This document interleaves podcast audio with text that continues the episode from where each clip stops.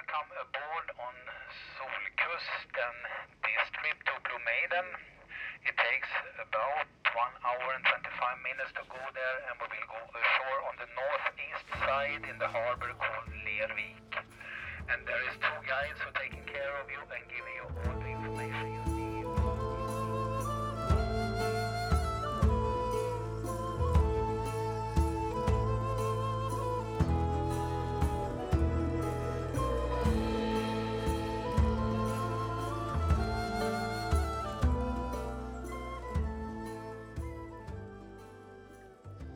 Hej och välkomna till ett nytt avsnitt av podden Arkeologi och historia sydost.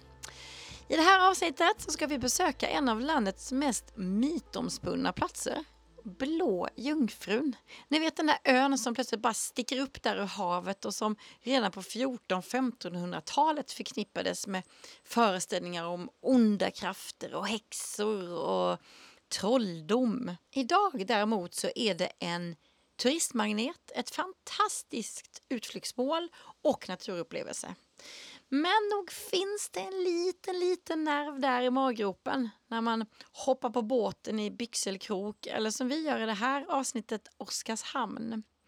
Och när jag säger vi så pratar jag om mig själv, Lena König alltså, som tillsammans med två arkeologer, Anna-Karin Karlsson och Kenneth Alexandersson från Museiarkeologi Sydost, Båda de här två har tidigare varit på ön vid flera tillfällen och letat forntid.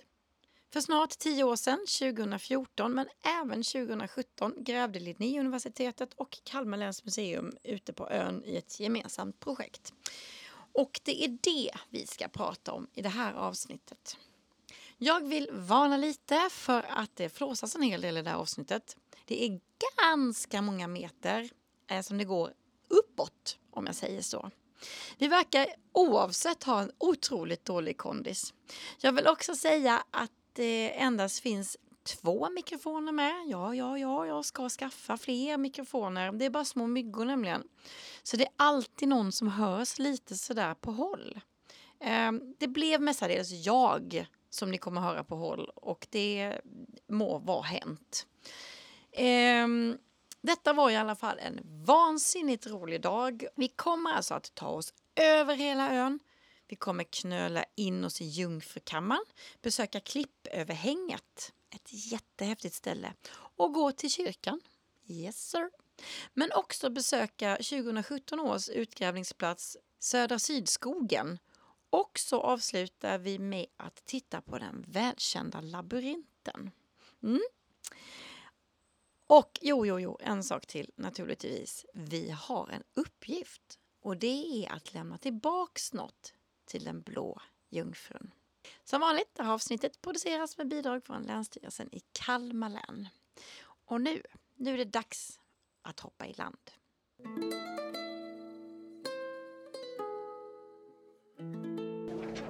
Wow! Sjukt vackert! Åh, vad häftigt! Vilka klippor! Vi är tacksamma om ni sitter ner sen när vi lägger till. Så please sit down during we go ashore.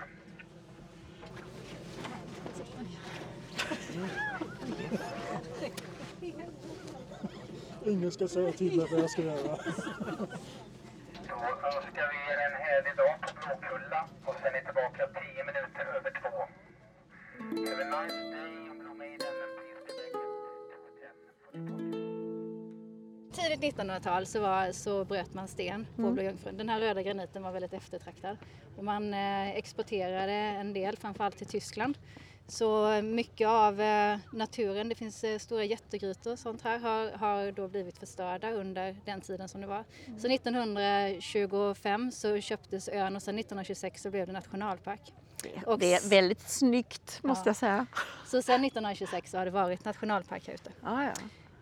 Ja, då är det nästan 100 år nu då ju. Ja det är det. Wow! Firar de snart ja, 100-årsjubileum. ja. Men det innebär ju också att, man, eh, att den har ju stort eh, skydd för naturen och Mm. man får absolut inte ta med sig någonting härifrån. ja, just det. Vad Ja. är de där stenarna? Har Ja. inte vi stenar med oss? Jo, vi har ju stenar som vi ska lämna idag. Ja. Det sägs att om man eh, tar med sig en sten från Blå Jungfrun så får man otur. Och varje år då så får Oskarshamns kommun massa stenar tillbaka. För att folk har fått otur. Nu på båten hit så hörde vi ju en historia om någon som hade tagit med sig ett par stenar som hon, eller hen, skyllde eh, sina astmaattacker på. Så nu ska vi lämna tillbaka de här två stenarna. Eh, men när vi tittar på det rent historiskt så, så kan inte vi hitta det här i, i källorna. Den har massvis med andra onda rykten kring sig. Men just stenarna eh, ser man inte de historiska källorna utan det, den myten kommer upp i början av 1900-talet. Mm. Antingen med stenbrottet eller när det blir nationalpark. Så det verkar inte vara en så eh, långlivad myt. Nej, nej, men vi lämnar tillbaks dem i alla fall och hoppas att någon... Ja, ser vi.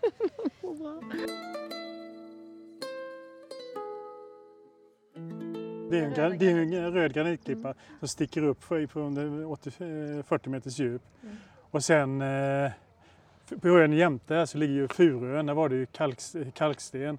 Innan har det varit kalksten också men det har ju eh, eroderat bort. Eroderat Så bort. den har stuckit upp som en dom i kalken innan. Så att, eh, men man kan ju se här att inlandsisen har faktiskt tryckt på för denna sidan så det är ganska, mm. flackt är det ju inte men det var väldigt slätt och fint ju. Otroligt Sen när det kommer till andra sidan, då går det över en kant så det har deponerats stora block som man bland annat har utnyttjat under stenåldern som vi ska få se sen. Åh, spännande! Det är väldigt skillnad Ja, på eh, ja. denna sidan och andra sidan.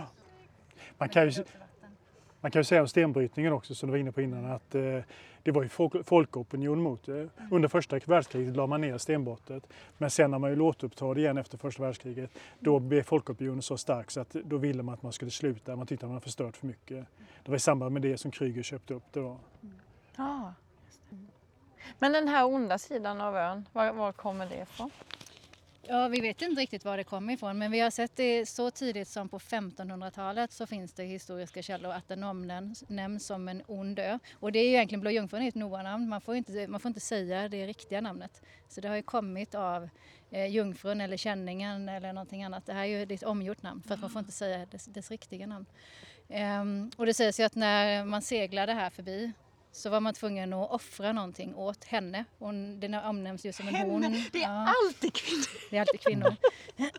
eh, och så det sägs också att här på klipporna så låg det eh, vantar och strumpor och handskar, någonting som sjömännen då lämnade efter sig för att annars så gick det hemsk sjögång och skeppen gick i kvav. Och utanför här så ligger det ju en del eh, vrak. Det är så. Mm. Vad ska vi göra här idag då? Vad är det vi ska kika på? Vi ska, gå till, vi ska gå runt hela ön egentligen där man kommer åt och det är på de platserna där vi har inventerat och eh, undersökt en del lämningar från förhistorien. Spännande. Då går vi!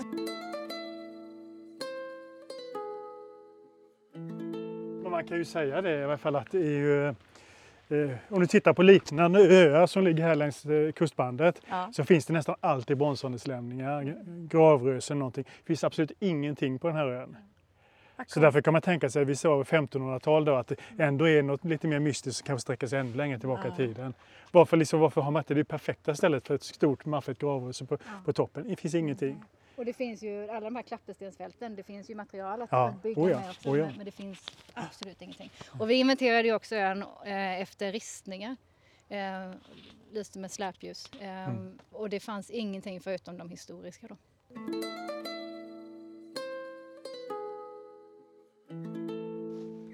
Men vilka, vad är det ni... eh, Ni har varit här 20... 2014 och 2017. Mm.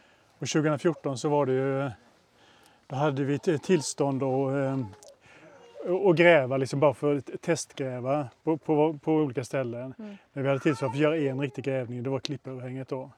Den fanns registrerad sedan tidigare som en boplats.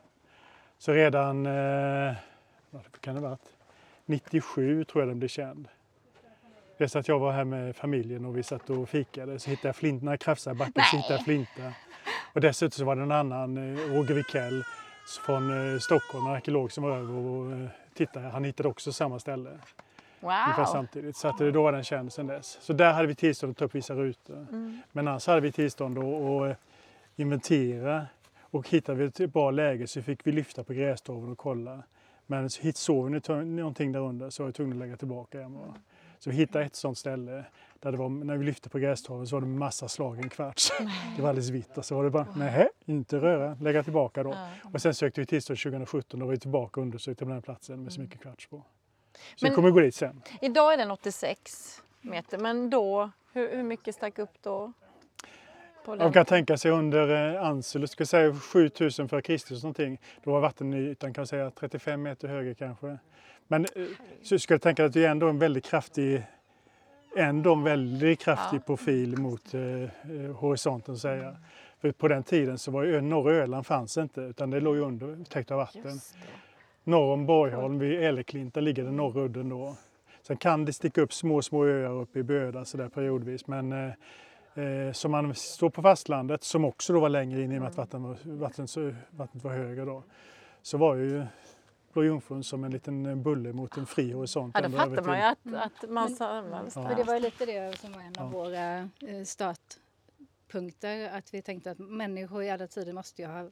Man har sett ön hela tiden när det har funnits människor på fastlandet. Och då måste man ha velat ut dit. För hon står ju verkligen upp som en kulle ifrån resten. Och sen är det ju bara horisont rakt ute. Det är likadant om du befinner dig på Öland och tittar mot, ut mot ön så är den ju liksom lite eh, illusoriskt. Det kan bli så att det, ibland så flyter den längre ut. Och så ibland fly- flyter den nära. Ibland så tycker man oj vad stor den är. Och sen nästa gång du tittar så har den liksom förflyttat sig bortåt. Oj. Så att, eh, Ja. kan den också vända på sig.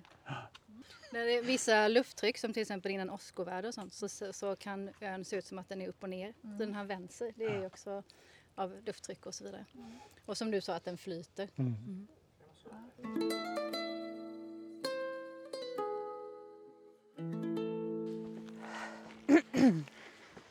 Det var lite brant.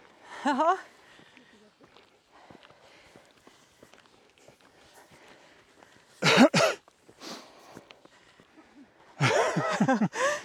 Oj. Wow.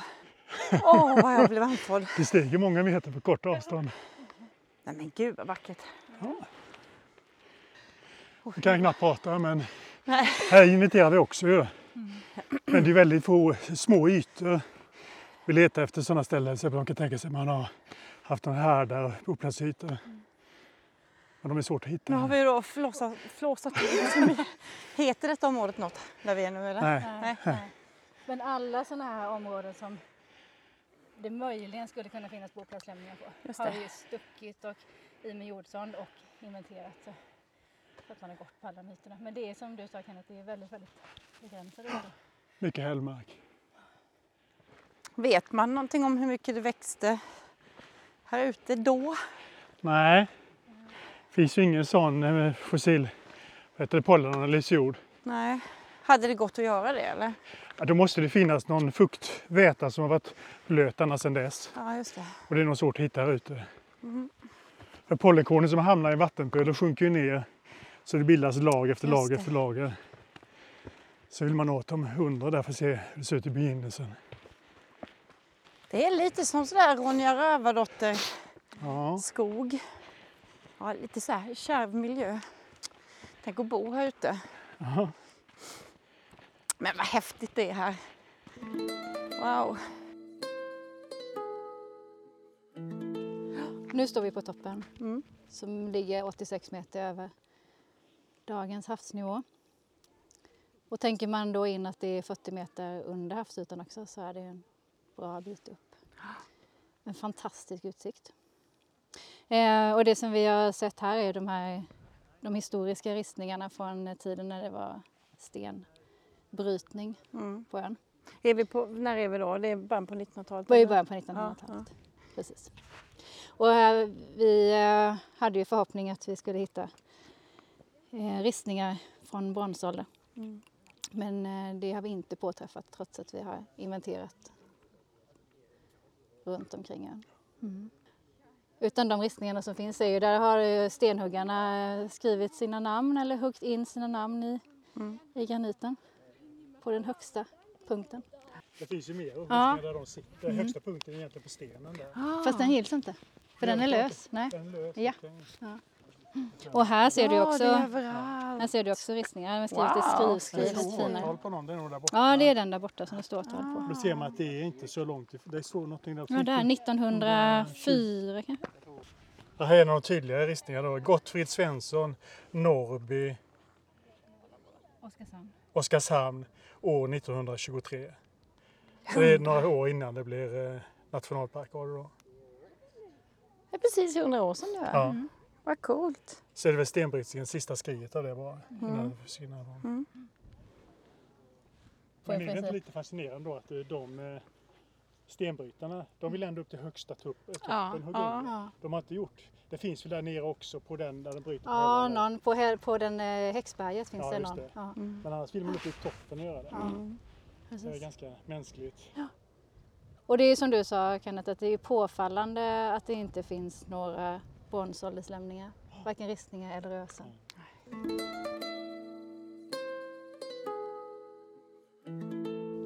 Sen hittar man ju misterhultar i de här områdena också. Mm. Det är att man helt enkelt fyller ut en skreva med sten. Det kan se ut lite amorfa, det kan se ut lite hur som helst. Mm. Och de finns det brända ben i då, men Mm. inte ens sådana hittar man här. Då får man gå och leta med sina k- klippskrev och sånt där. Eh, och de är lite, det är ju äldre järnålder då. Mm. Men inte ens sådana hittar vi här. Misterhulta, varför heter det? Eh, jag vet inte. De är typiska för Misthultsområdet. Okej. Sen finns de i Göteborgsområdet, man kallas de Göteborgsäckel istället. Okej. Så att, eh, De har aldrig någon regelbunden form utan det Nej. de formas efter hur sprickorna ser ut. Mm. De tittade, vi inventerade ju efter dem också men, oja, inte, oja, oja. men inte, vi påträffade inte sådana heller.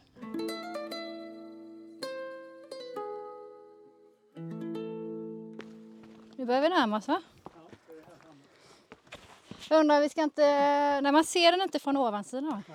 Då kan man komma, det finns två ställen att komma in till Jungfrukammaren. Antingen får man gå en, en gång in här eller så kan man gå uppifrån och titta ner. Mm. Och du kommer bara in i den här nerifrån. Jag vet inte, har du, du varit och kollat uppifrån? Ja. Så att det är, det är väldigt bra, vad ska man säga, Det är som en nästan teater, Ja. att man kan titta ner. På, alltså det, är, en- det är som en öppen, det är inte en grotta utan det är fyra väggar. Och så är det som, nästan som en scen neråt som man kan titta ner. Om man hade haft några hokus pokus ritualer där nere Ja. så hade man kunnat stå uppifrån och titta vad som händer där nere. Har man hittat något eller vad, vad, är, vad är det för plats? Ja, vi hittade en härd som ligger längs ena långsidan i grottan.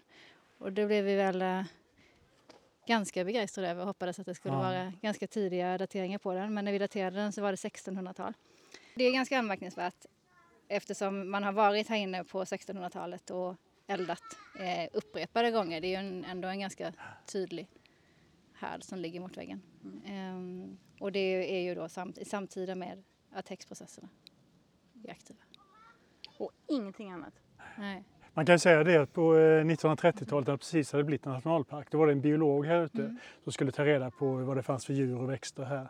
Och han var kompis med Arrhenius, han som med fosfatproverna. Mm. Så han tog fosfatprover in i de grottorna som fanns där och så fick Arrhenius analysera dem. Då visade det sig att det var förhöjda fosfatvärden i alla grottorna. Därför hade vi också väldigt stora förhoppningar om att här kommer att vara smaskiga kulturlager. Då. Bland annat i denna var det då. Men eh, vi kan gå in och Ja, titta. nu går vi. Nu. Spännande. Jag har ju faktiskt grävt lite grann in i den också. Mm. Känns lite grann som en megalitgrav när man Ja, kommer in där. så. Så. Ja, då ska jag...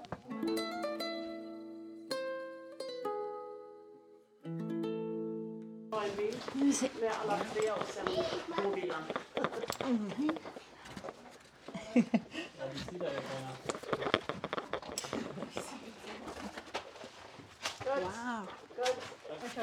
Där kan du se, ser du den här eh, gropen här inne här. Det menar, vi- menar vi på att det är en effekt av att de har eldat där. Och sen har vi, tog vi upp några rutor precis nedanför här. Och där kommer ju en härd här. Så här har man eldat mot klippsidan där. Och det, det var den som fick datering till 1600-tal. Så du, har, du ser ju upp, du har ju skydd som tak här. Så här har du ju en bit skydd. Ja. Och, sen så är det, och här kan man ju stå i princip på ja, alla klippor här över så man kan Ja. ju liksom titta ner eh, vad det är någonting som, som pågår här. Och nu ligger solen där så det är liksom rakt Ja. söder. ja, Jag ser- ja. Precis. och sen är det nästan du kommer ut där men inte riktigt. Nej, inte riktigt. Men det är en skreva där. Du kan... Ja. Men här var som sagt höga fosfatvärden i det här. Men eh, vi hittade inget som helst stenåldersmaterial. Men man ser ju här till mycket svallgrus, eller vad heter det, vittringsgrus från stenarna och sånt också. Mm. Allt är ju inte det, men eh, en del. Precis. Så det är märkligt då att man har varit här under när eh, häx... eh, Det måste ju ändå varit när man trodde som mest på Som mest på det häxor. onda här. Mm. Och den här vem- ligger ju på ena, vi har ju Klippevängret i mitten och sen har vi ju den här Jungfrukammaren på ena sidan och så har vi Grottan kyrkan på andra sidan. Och i grottan kyrkan så vet vi ju att, att det har pågått någon form av rituell aktivitet. Så, ja, vad ska du säga? Nej, jag bara tänkte den där skrönan att det skulle finnas något Edens lustgård här uppe. Ja, men det kan inte jag. Nej, Nej. Det var också man kom upp här skulle Ja. finnas en, en, en fantastisk trädgård om man Ja, vågade det. gå i land här. Men Det är också sån där skröna, säkert 1600-tal. Och så finns det också en skröna som säger att eh, brunnen i Borgholms eh, slott, att den, eh, om man hoppar ner i den så finns det en gång och så kommer man upp på Blå Jungfrun i en källa. Ganska långt upp.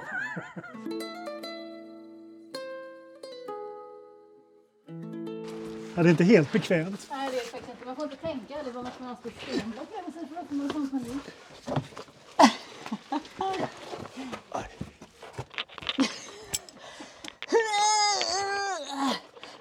får du tänka att vi släpper upp eh, redskap och sånt hit också. Ja.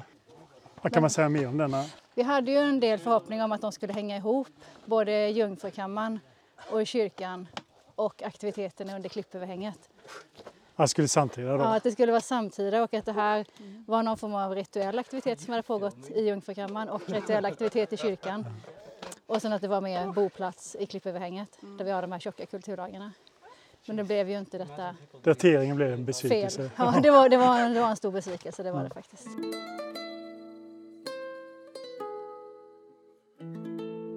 Men nu ser du de stora klippblocken börjar ligga här. Då, då är det nedanför kanten här. Och det kan vi säga någonting om också att vi, eh, det, vi visste ju om vissa av grottorna på ön. Men vi hade också förhoppning att hitta grottor som inte var lika lättupptäckta, som inte hade, att man inte hade hittat än. Eh, Men de grottorna eller de skrymslena mellan och under block som kom var ju väldigt begränsade, väldigt liten yta. Så det blev inga större. Nu får du hålla i dig Lena, nu är det rakt fram där. Här har vi hittat lite avslag i, i stigen här. Vi börjar här. På något ställe, jag kommer inte ihåg vad det är. Sen har, nu har du klippvägen rakt framför dig här snart. Jag kan du tänka också på, eh, nu går vi på en ordningställd stig här. Jag tänkte då när Linné var här, hur gick han där? I sån terräng med sina små klackskor. Ja. Han kom hit, var det 1741 så Ja. kom han på ön. Och eh, han hatade stället. Han tyckte att det här var det värsta stället som han hade varit på någon gång. Och det kan man ju förstå om terrängen är så oländig. Här var det ju den stora boplatsen då. Ligger kvar. Nu är vi fortfarande då nästan. Ja. Här har du lite Men det är både kvarts och kvartsit. kvarts, kvartsit och Ja, flinta. och flinta. Framförallt sydskandinavisk Ja. flinta. Men vi la en ruta, så här inne, vi la 50 gånger 50 rutor. Så här inne la vi en ruta och så en där. Och en här Tre på och rad. en här. Så vi täckte den mesta delen av ytan. Och här var det så djupast, där var det 70 centimeter kulturlagar. Helt, ja, helt kolsvart, massa sjöbrännsten, eh, mycket avslag. Dessutom var det ett obränt benmaterial. Och det brukar, ska inte finnas, det är så sur berggrund så att de ska försvinna så länge sedan. Så det hette de kemiskt att de bevarades. Men eh, När du eh, vi, säger så. att det är på molekylär nivå så att kalken byts ut mot, mot järn. Då. Ja. Så, så att de har ju rätt, de har ju rätt färg, de har ju rätt form och sådär. Mm, Men sen när vi skulle C14-datera dem, då gick ju inte det. För att, eh, därför fick vi ta en kolbit som låg... Eh, 37 centimeter ner ungefär. ja, Och det, de benen som mest som det fa- fanns främst av här var ju säl, alltså ben från säl. Vi kunde inte artbestämma vilken sältyp det var. Och sen var det också en del från fisk. Men det fascinerande här tycker jag är att liksom i vanliga fall när man gräver på, ute på åkermark, då hittar man en, en boplats och då hittar man lite gropar efter stolparna, sånt där. man hittar hus och så vidare. Då ska man förklara det för någon. Som arkeolog kan du visualisera det, se hur huset ser ut. Men ofta ser det bara en platt yta. Men när man sitter här så har du ju faktiskt deras tak, deras väggar. Nu är golvet 70 cm upp ju. Men det har ändå funnits här. Så får- att det är mer som ett hemma hos-reportage än en... eh, Men en tittar man runt också så har man ju, det är nästan som man kan tänka sig att om man bygger upp någon form av vindskydd på de här stenarna, då har du ett väldigt bra skydd här inne. Ja. Då har du som ett rum. Har de Ja. liksom byggt med träd på något vis också? Ja. Och sen så, det var ju, det var ju som tjockast, kulturlaget var ju som tjockast här Ja, ute, ja. så det, det ökade ju egentligen eh, utåt sett om man säger, inifrån och ut. Så här var det som tjockast. Och sen så är det ju också utkastlager Ja. utanför, så man har ju kastat rester utåt. Och där har vi inte Och där undersökt. har vi inte undersökt det. Nej. Där stack vi ändå och såg att det var tjocka lager. Rejält djupt där ute. Men vill man inte testa det då? Vi hade tillstånd att ta de där smårutorna, vi fick inte ta mer. Nej. Och så kände vi lite grann att det är en väldigt liten yta så egentligen vill man ha en väldigt bra frågeställning innan man är tillbaka för man, Mm. man förstör så mycket av ytan vid en enda undersökningstillfälle. Men lite spännande. Ja. Ja. Lite spännande är också det att många av de här stenålderslokalerna de ligger oftast nära stranden. Men vi tänker det 35 meter, nu är vi säkert 15 meter ovanför det, 10 kanske. Så att detta, det har varit så attraktivt så man, liksom, man har frångått det strandnära boplatsläget och dragit hit upp istället. Mm. Och då man kan man ju- fråga sig vad man har gjort här. Ja, precis. Men vi kunde ju se, det var någon osteolog som tittade på materialet Ja. och som kunde se att det var främst av yngre djur. Ja, ja. Så um, att man vi, det är inte så att man kanske har varit här året, på en året runt bosättning utan mer att, man varit här ute i säsong för att jaga ja. säl. Och då kan man fråga sig var sälen har funnits. Som jag sa innan, det fanns vissa små skär på norra Öland. Ju. Det kanske är de som är yngelskären. Mm. Det kan också vara här. Det kan också vara om det är vikare så ligger de oftast på isen och, och föder sina kutar. Mm. Så att eh, det får vi grotta ner oss mer i Mm. senare. Och sen i, i slutet på det här kulturlaget kan vi säga när vi kom ner till det som, det som var botten på kulturlaget, då var det som, nästan som ett cementlager. Alltså att det är som späck som har eh, samlats där Ja. längst ner. Späckbetong brukar man kalla det i Norge. Och där slutade vi. Där slutar vi gräva.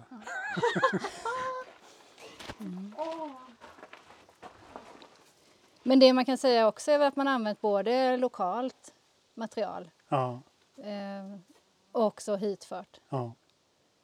Väldigt, få, li, väldigt lite flinta. Väldigt lite flinta. Och det som var mest sydskandinaviska. Mycket kvarts och mycket kvartsit var det väl framförallt.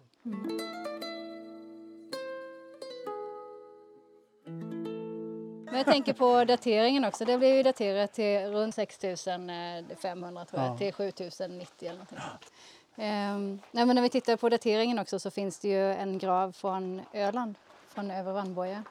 En, eh, en grav som är daterad samtida, eh, ungefär samtida med denna boplatsen. Och den, hon, den är begravd, den individen är begravd i hockeyställning, i sittande ställning. Eh, och den var delvis förstörd. Det var väl bara nedre delen som var Från kvar. höften och Från neråt. höften och neråt. ja. Ja. Ehm, och det är lite intressant för den individen är också begravd så att den tittar ut mot Blå Jungfrun. Och då får man ju tänka att det är ju nästan det nordligaste som Mm. finns på Öland vid den tidpunkten. Du, lägger, du kan Så frågan är ifall man, eh, de som var här och jagade, kom de från norra Öland då? Eller kom de från Oskarshamnstrakten? Det, Mm. Det är ju betydligt längre Ja, från är det. Oskarshamnstrakten. Det är det. Och om man då tänker att man paddlar ut hit så är det ju en väldig bit mm, mm. att ta sig.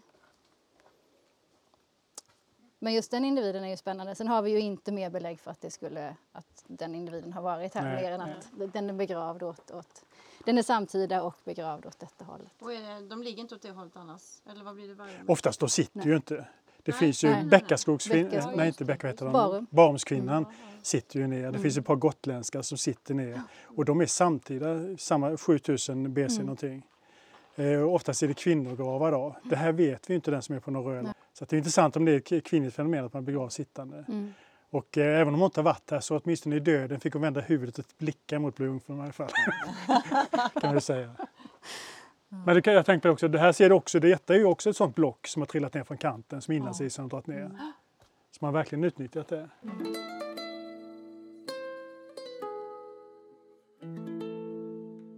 Vad kan det vara? Men ska vi ta Men den, denna, var ju känd, denna var ju känd sedan tidigare då. Det var ju den som registrerades en gång. Ja, Mm. Så att, eh, Ja, för man hade hittat avslag här Ja. innan så den, den här visste vi om. Var det här du krafsade? ja, det var här vi satt och fikade med familjen så krafsade i backen. Mm. Sitta.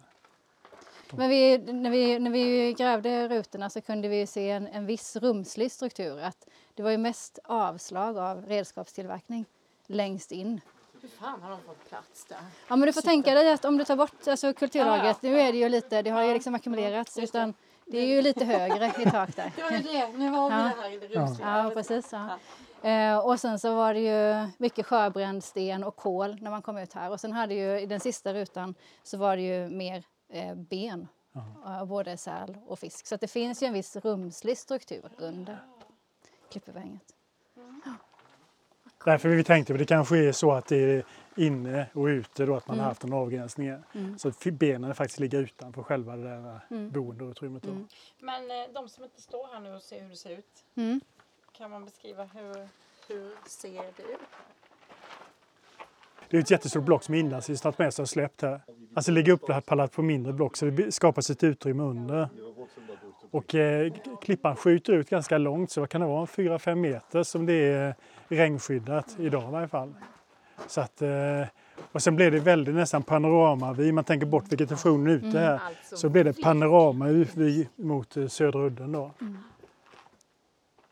Ja, man får tänka på att när man satt här och tittade ut för 9000 år sedan. Ja. Då, är det ju, då ligger vattnet 15 meter ner kanske. Ja. Och så är det bara vatten rakt ut. För man ser nästan inte fastlandet där borta. Fräckt! Nej. Supercool.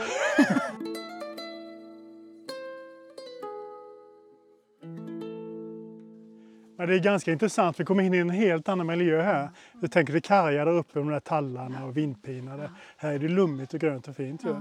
Men var det lummigt då också tror vi? Nej, men det är ju men mer bitvis. sediment här i varje fall Ja. så att det har det nog varit. Det tror jag. Visst. Det tror jag. Se, kommer vi komma ner till Ansulesvallen en bit fram här bara. Nu har vi kommit till kyrkan. Den här är ju den smal, det är en grotta som är några meter bred först och sen så smalnar den av och sen så avslutas den i en jättesmal klippskreva allra längst in. Jag tror att den är 24 meter lång totalt och 5 meter hög inuti med takstenen. Det var här Hei- Heidenstam skulle gifta sig. Men det blev så att de blev Lerhamn och Vikeland han gifte sig istället. Och här hade vi också fått eh, tillstånd att ta upp provrutor. Här var vi ganska positiva om att vi skulle hitta lämningar efter att människor hade vistats. Så vi la rutor precis under den rampen där och sen så hela vägen ut. Och så var vi ganska glada för vi hade ju stuckit, stuckit med jordsond och det var fint lager. Och så blev det absolut ingenting. Det var precis soprent, det fanns inte, inte ett spår av någonting här.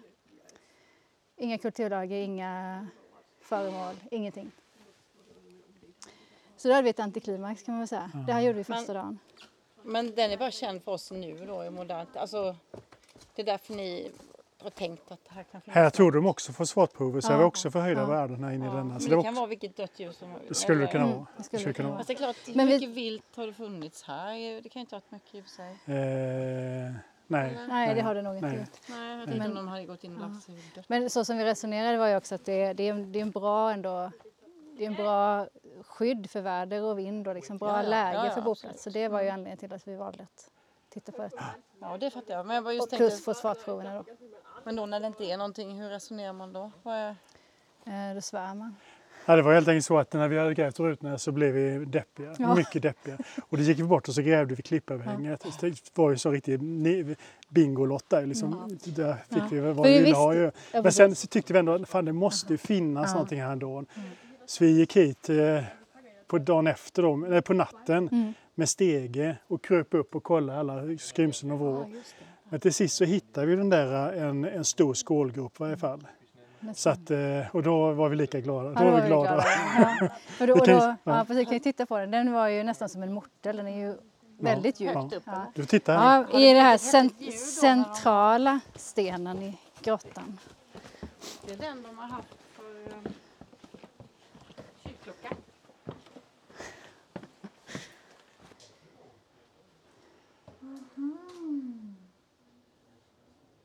Jag hade en guidning här ute och så bland de som, du behöver inte ta med detta, jag bara säger det till dig nu.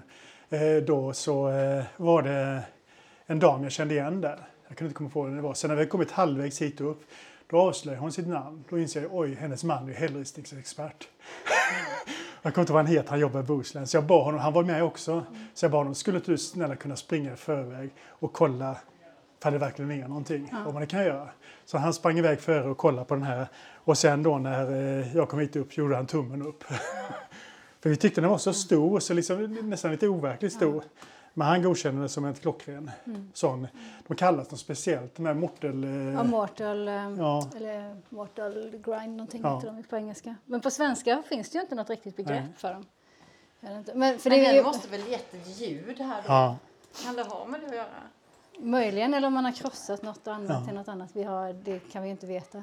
Men om du ser så är det ju massvis med sådana här som skulle kunna vara stora skålgropar på väggen. Ja, precis. Jag tyckte Eh. också man kunde se Ja. det. Är naturligt. här har vi lyst haft oss. Ja. Det är ju isen eller så. När det varit vatten här så har det legat och Men läng, längst, längst in i skrevan där, där satt det en knacksten. Ah, ja, ja, var det Ja, ja. där du stack in? Coolt. Och Kenneth gick in och så stack han in handen med. Vad är det här då? Och så drog han ut en knacksten. Så den knackstenen skulle man ju kunna ha använt för att göra den skålgropen med. Det är häftigt. Vi hittade en sak här. Det är en geocache Ja, den ligger som ligger någonstans här uppe. Men det är ganska tydligt att man har använt den här, nu, vi har ju gått som på en platå nu egentligen, från Jungfrukammaren till eh, klippöverhänget och till kyrkan. Och det är uppenbart att man har använt platserna på olika sätt. Medan man har bott mer, eller vistats under längre perioder under klippöverhänget, så har man ju varit här och haft någon form av rituella företeelser för sig. För här finns ju inga lämningar efter att man har varken eldat eller tillverkat redskap eller slaktat. Malt magiska örter.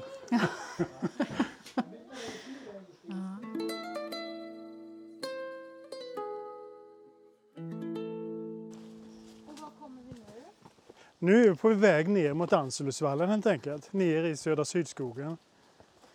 Det var där vi hittade där, där vi lyfte på gräsvålen och så var det massvis med kvartsavslag precis under. Du kommer själv att se vilket ypperligt boplatsläge det är. Ja. Den grävde vi 2017. Och nu ska du säga något speciellt här när du kommer ut här. Vilket fint boplatsläge ska du säga. Nu ska du säga det. Ja, Ja, här är som en... eh, åt andra hållet. Vi ska in här va? Här ska vi in ja. Mm. Den här sträcker sig ju rätt långt också. Den är nästan 100 meter lång. Det är till och med lite längre. Detta är ju Anselus, lite Anselusstrandvallen som vi är uppe på nu. Så då under Anselus tid så låg ju, då var ju sköljde det över här.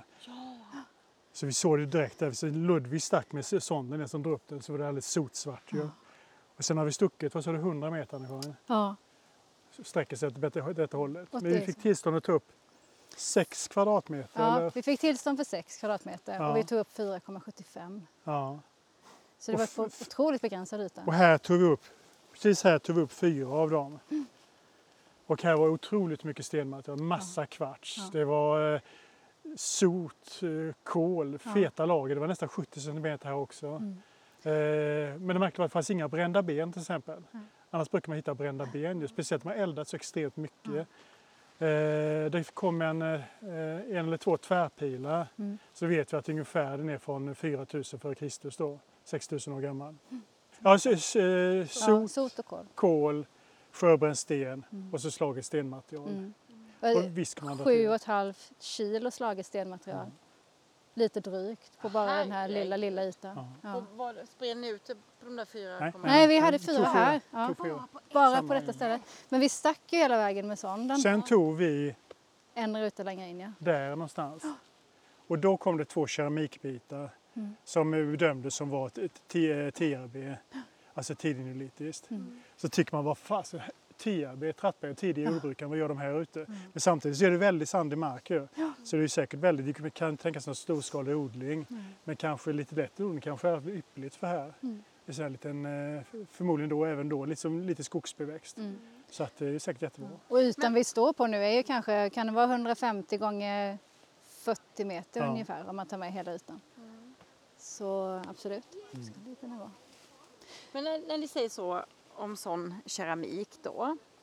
Eh, det kan inte bara vara så att de ändå har varit lite på snurr och gjort något annat och haft med sig det? Skulle, Fast skulle, var bodde... Skulle de ju kunna.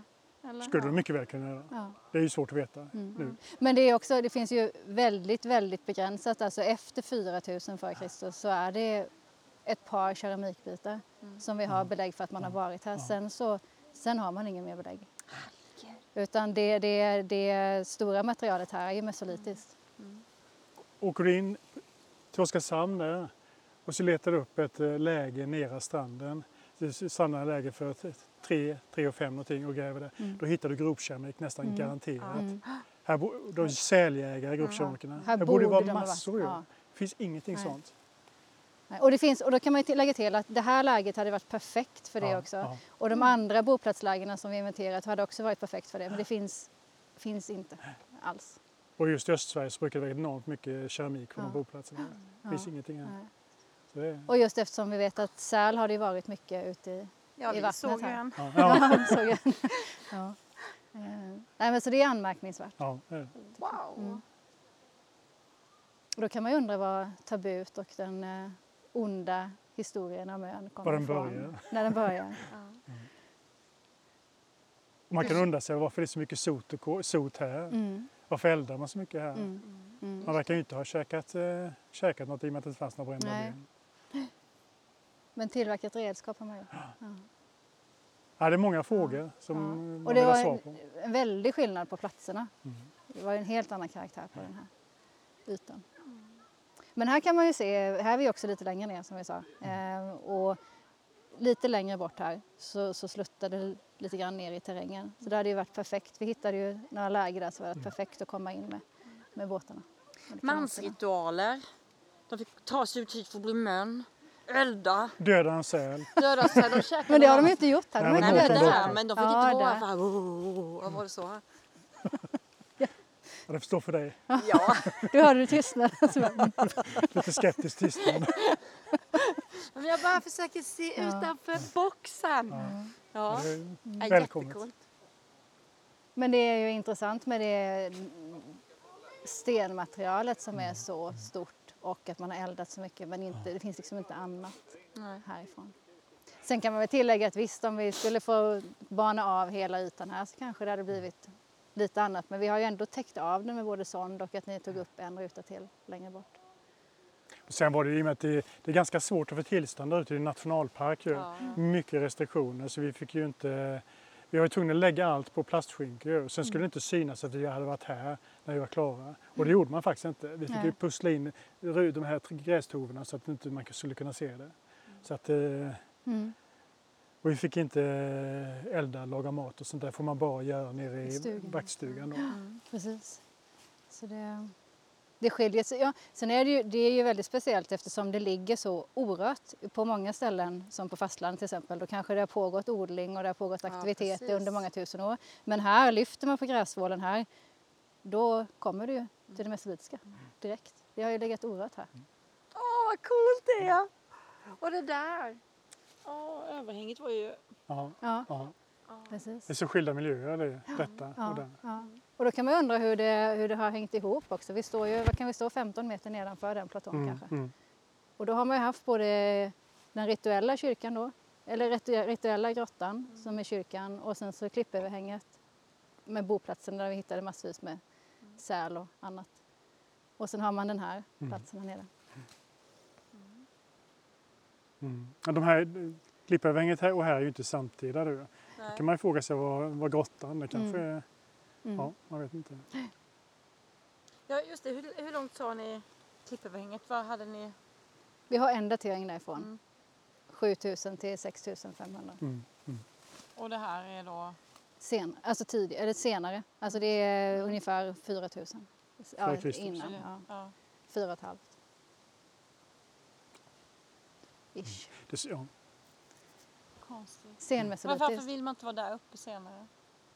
Fast det kanske de har inte. varit fast ni inte har hittat Mm. något. Mm. Det kan ju tänka sig att de eh, översta lagarna i kulturlaget kanske var... Men, Stenmaterialet där uppe gick ju inte att datera så noga. Det mesta är ju stora kvartsitbitar. Eh, flintan som man oftast hittar de där fina redskapen i. Det var nog bara en enda flintbit där uppe, en, en liten Mm. skrapfragment tror jag. mm. Så att eh, det var ganska, man kunde inte datera det för stenmaterialet så det skulle kunna vara så att stenmaterialet inte var lika gammalt som eh, ytan var lika gammalt som det mot botten. Det vet man inte. Nej. Så man skulle mycket väl kunna vara samtidigt som detta. Ja, kanske i slutfasen i sådana Ja, fall. Men ja. de har ju så otroligt olika karaktär, det är ju det som Mm. är... Men det, är också, det skiljer sig också i, eh, stenmaterialets sammansättning. Det är mycket mer kvarts här Kvartsar, ja. Oh, ja. än där. Så är det. Så är det. Nej, men det är mycket, mycket lokala material. Det brukar man alltså titta på här i Östsverige, vilka råmaterial man använder under stenåldern. En del av dem som flinta finns ju inte naturligt, det måste ha kommit hit med människans hjälp. Ju. I det här fallet så var det väl eh, sydvästskandinavisk xenondanienflinta. Då har det kommit från, från eh, Malmötrakten och sånt. Och sen har det säkert inte kommit direkt hit utan det kanske hoppat vissa steg hitåt, äktenskapets allians eller vad som helst. Eh, medan kvartsiten och kvartsen kan man plocka ner på stranden här. Det såg man på många av de kvartsitbitarna här. Det, är- Man kände igen den där eh, vattenslipade ytan på vissa av avslagen. Här. Det är precis de man ser där nere, så då har man tagit av det. Använt det lokala. Ja, precis. Ja. Så att, eh, Men det, och så det talar ju också för att det kanske att det inte är samtida, även om det skulle kunna vara det i slutfasen av den där uppe. men här skulle man också vilja gräva mer Ja. egentligen. Man skulle vilja ta makroprov och grejer och analysera. Så Och att, kanske eh, fastställa också faktiskt hur långt som den Ja, sträcker ja, sig, avslutet ja. på boplatsen. Mm. Det finns mycket kvar att göra. Finns det några liknande platser någon annanstans? Vi har funderat men eh, Eh, Vi har inte kommit på. svårt att komma på något. Det isolerade läget, landskapet som är nästan som ett monument i sig. Mm. Eh, nej, vi... Det är det man skulle jämföra Blå Jungfrun med något annat ställe. Ju. Mm. Ja, Då precis. tänker man så, vad är, vad är typiskt för Blå Jungfrun? Är det, är det klippöverhänget? Ska man gå på det? Eller är det, är det, lä, det isolerade läget? Eller är det monument, monumentet, alltså k- k- formen man ska gå efter? Det är svårt att jämföra med. Ja, ja, det är många aspekter som ska in på det. Vi har pratat en del om, eh, diskuterat just själva fenomenet med grottor Ja. och boplatser i grottor. Men det är bara en liten del av det. Det, det intressanta är ju varför man tog sig ut hit också. Hur, hur länge vistades man här? Vad gjorde man när man faktiskt var här? Ja, precis. Och också om man tänker ritualer kopplade till jakt och fångst och så vidare. Det är inte bara det att man åkte ut och kanske jagade säl. Det var säkert andra, andra ritualer och andra aktiviteter kopplade till det. Jag kan tänka, år, vad tog det för oss nu? 1,25? 20. Mm. Tänk att paddla. Mm. Mm. Ja, fy. Ja, risky business. Så möter man Gotlandssverige. Då måste man kunna det där med att komma upp igen. Ja, precis. En Ja. Eskimo, ja. Precis.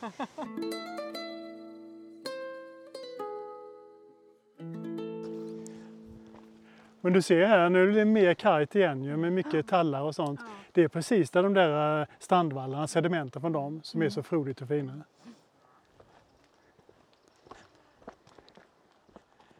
Jag vet inte om du ska säga mer om Linnés resa? Nej. Ja, men han steg i land där på 1740-talet. Och eh, ja, vi kan ju dra någon skröna om det. Att det sägs ju att när han eh, skulle åka ut hit så var det också en gammal sjö. Så det var otroligt blåsigt. Och han var väldigt, väldigt sjösjuk.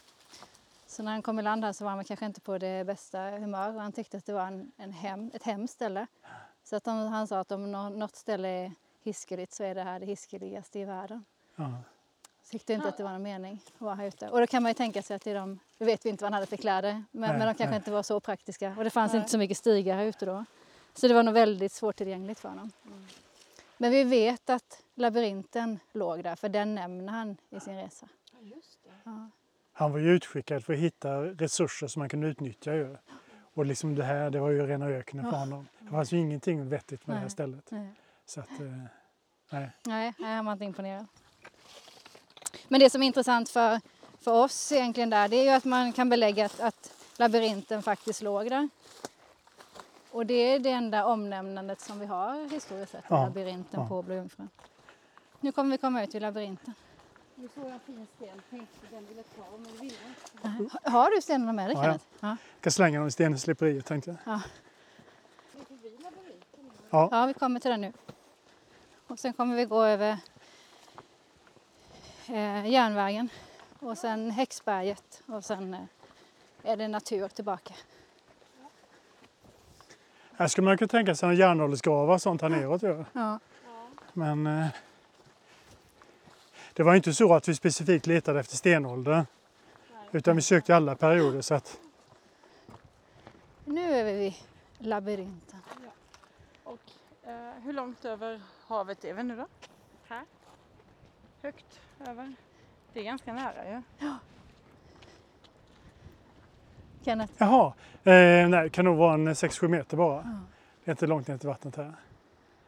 Och här ligger den eh, labyrinten som har legat här sedan Linnés, åtminstone sedan Linnés dagar. Och I och med att den låg där redan när var här så är den äldre än så. Och går man väl in i den så får du inte avbryta din vandring. Nej. Och då måste du gå hela. den har Eh, väl 13 varv den här labyrinten.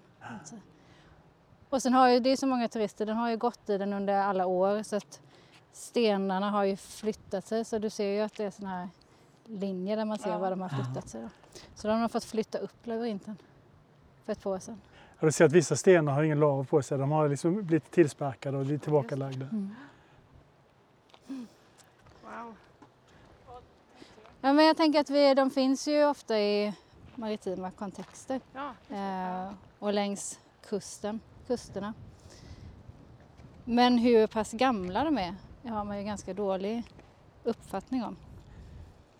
Ibland omnämns de som medeltida och sen så var det någon, var det grav från vikingatiden Kenneth? Ja, som Som överlag. överlagrade en labyrint. Och då måste den ju i alla fall vara samtida eller äldre.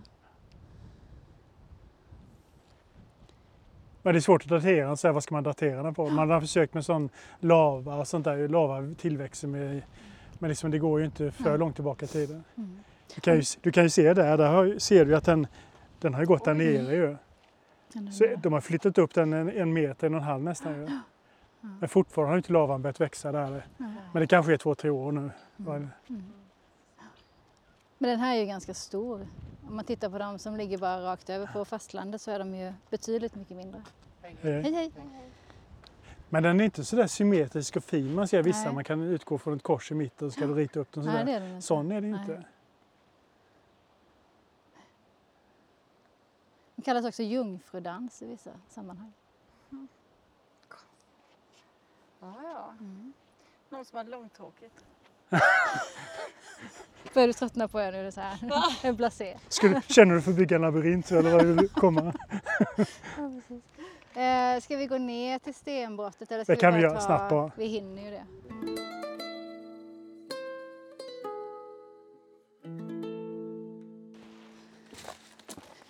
Här har vi väl det som kallas Häxberget. Där häxorna landar på skärtorsdagen. Ja, är det här? Eller ja, jag får ju låtsas att Ja, för det här är ju ön som eh, häxorna åkte till på skärtorsdagen. Ett av de äkta Blåkulla. Det finns ju ganska många Blåkulla runt om i Sverige. Det här är ett av dem. Grävde inte vi på påsken här ett år? Jo, jo det gjorde vi. Och vi såg ja. inga häxor här så Nej, vi vet att det bara Vi var här nytt. på skärtorsdagen tror jag. Ja. Ja. Så det hittar på. Det, kan, det vet vi.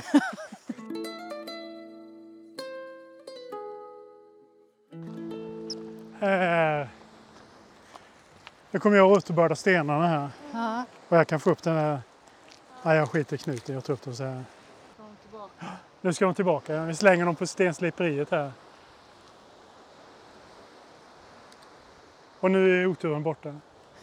Vi har gjort dagens välgärning. Och nu han, gubben eller tanten bara Ska, skakar på sig bara. Ställ, kasta rullatorn och gå.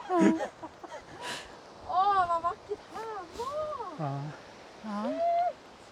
Då kan du tänka dig det är frestande att ta några stenar här. Så det här Ja, jag vill ha en fler fler stycken. Men du ser de här långa också som ligger här. Som korvarna. Ja. Men om du inte har astma så är det dumt att ta hem dem.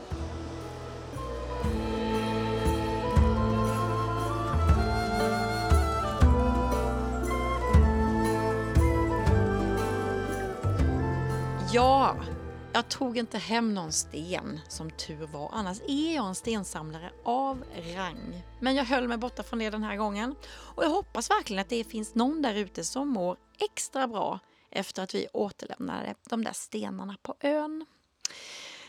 Och Anna-Karin Karlsson, Kenneth Alexandersson från Museiarkeologi Sydost. tack snälla för att jag fick hänga på er och få höra er berätta. Ehm, jag har inte skrattat så mycket på länge som jag gjorde på den här resan på Blå, till Blå Jungfrun. Och jag hoppas verkligen att det kan bli någon slags fortsättning på undersökningarna i eh, södra Sydskogen. Och du, tips från mig. Åk dit. Det är skitfräckt alltså. Det är så vackert, så häftigt. Eh, verkligen. Nu är det ju en paus över vintern, men så fort vårsolen tittar fram, passa på. Och innan det blir för mycket folk. Det är tipset. Tack också förresten till min följeslagare och bidragsgivare som gjort det här avsnittet möjligt, Länsstyrelsen i Kalmar län alltså. Podden den kommer som vanligt igen, typ eh, nästa vecka. Fram till dess så önskar jag dig en skön liten höst så hörs vi snart igen. Okej, hej hej!